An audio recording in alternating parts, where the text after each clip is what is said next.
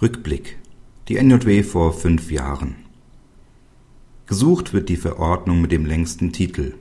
Das aktuelle NJW-Heft 41 bietet in der Rubrik Dokumentation die Tierschutztransportzuständigkeitslandesverordnung in Mecklenburg-Vorpommern, ein Regelwerk mit sage und schreibe 49 Buchstaben in der Überschrift. Nicht schlecht auch die Asylverfahrensdurchführungslandesverordnung mit immerhin 43 Buchstaben ebenfalls aus Mecklenburg-Vorpommern, abgedruckt in der Dokumentation der NJW von vor fünf Jahren.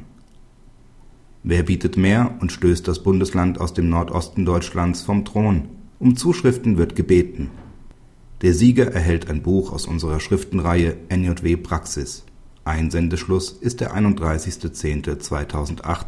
Der Rechtsweg ist ausgeschlossen die Dokumentation bietet aber vieles mehr als Verordnungen, die beim Galgenraten den Sieg garantieren. Wöchentlich erhalten Sie einen vollständigen Überblick über die Gesetzgebungstätigkeit auf dem gesamten Bundesgebiet